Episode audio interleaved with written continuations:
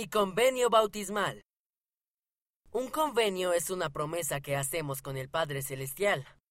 Lee acerca de tres cosas que prometemos hacer cuando somos bautizados. Luego escribe sobre lo que puedes hacer para guardar tu convenio bautismal. Recordar siempre a Jesucristo. Cuando Elena vio cómo otras personas eran crueles con alguien, pensó en lo que Jesús haría.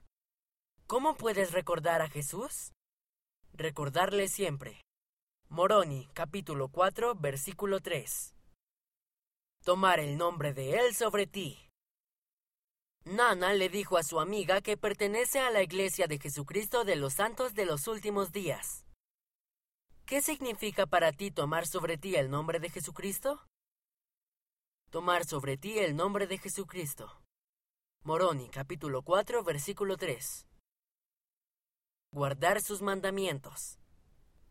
Santiago decidió no ver un video con malas palabras e imágenes. ¿Qué mandamiento podrías guardar? Guardar sus mandamientos. Moroni, capítulo 4, versículo 3. Guardar mi convenio.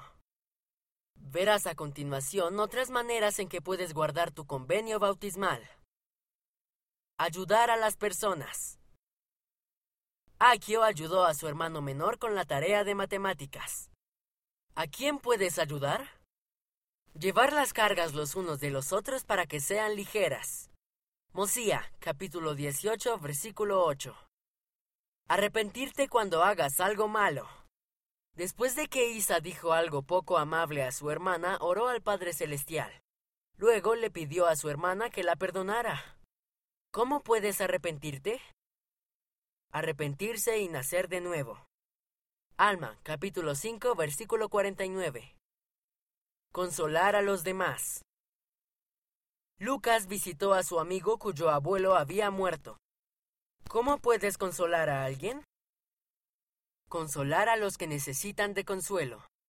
Mosía, capítulo 18, versículo 9. Tu confirmación. Después de tu bautismo, un poseedor del sacerdocio pondrá las manos sobre tu cabeza.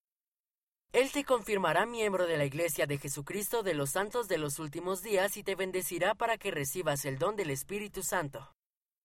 Véase Doctrina y Convenio, sección 33, versículo 15. Lo que el Padre Celestial te promete.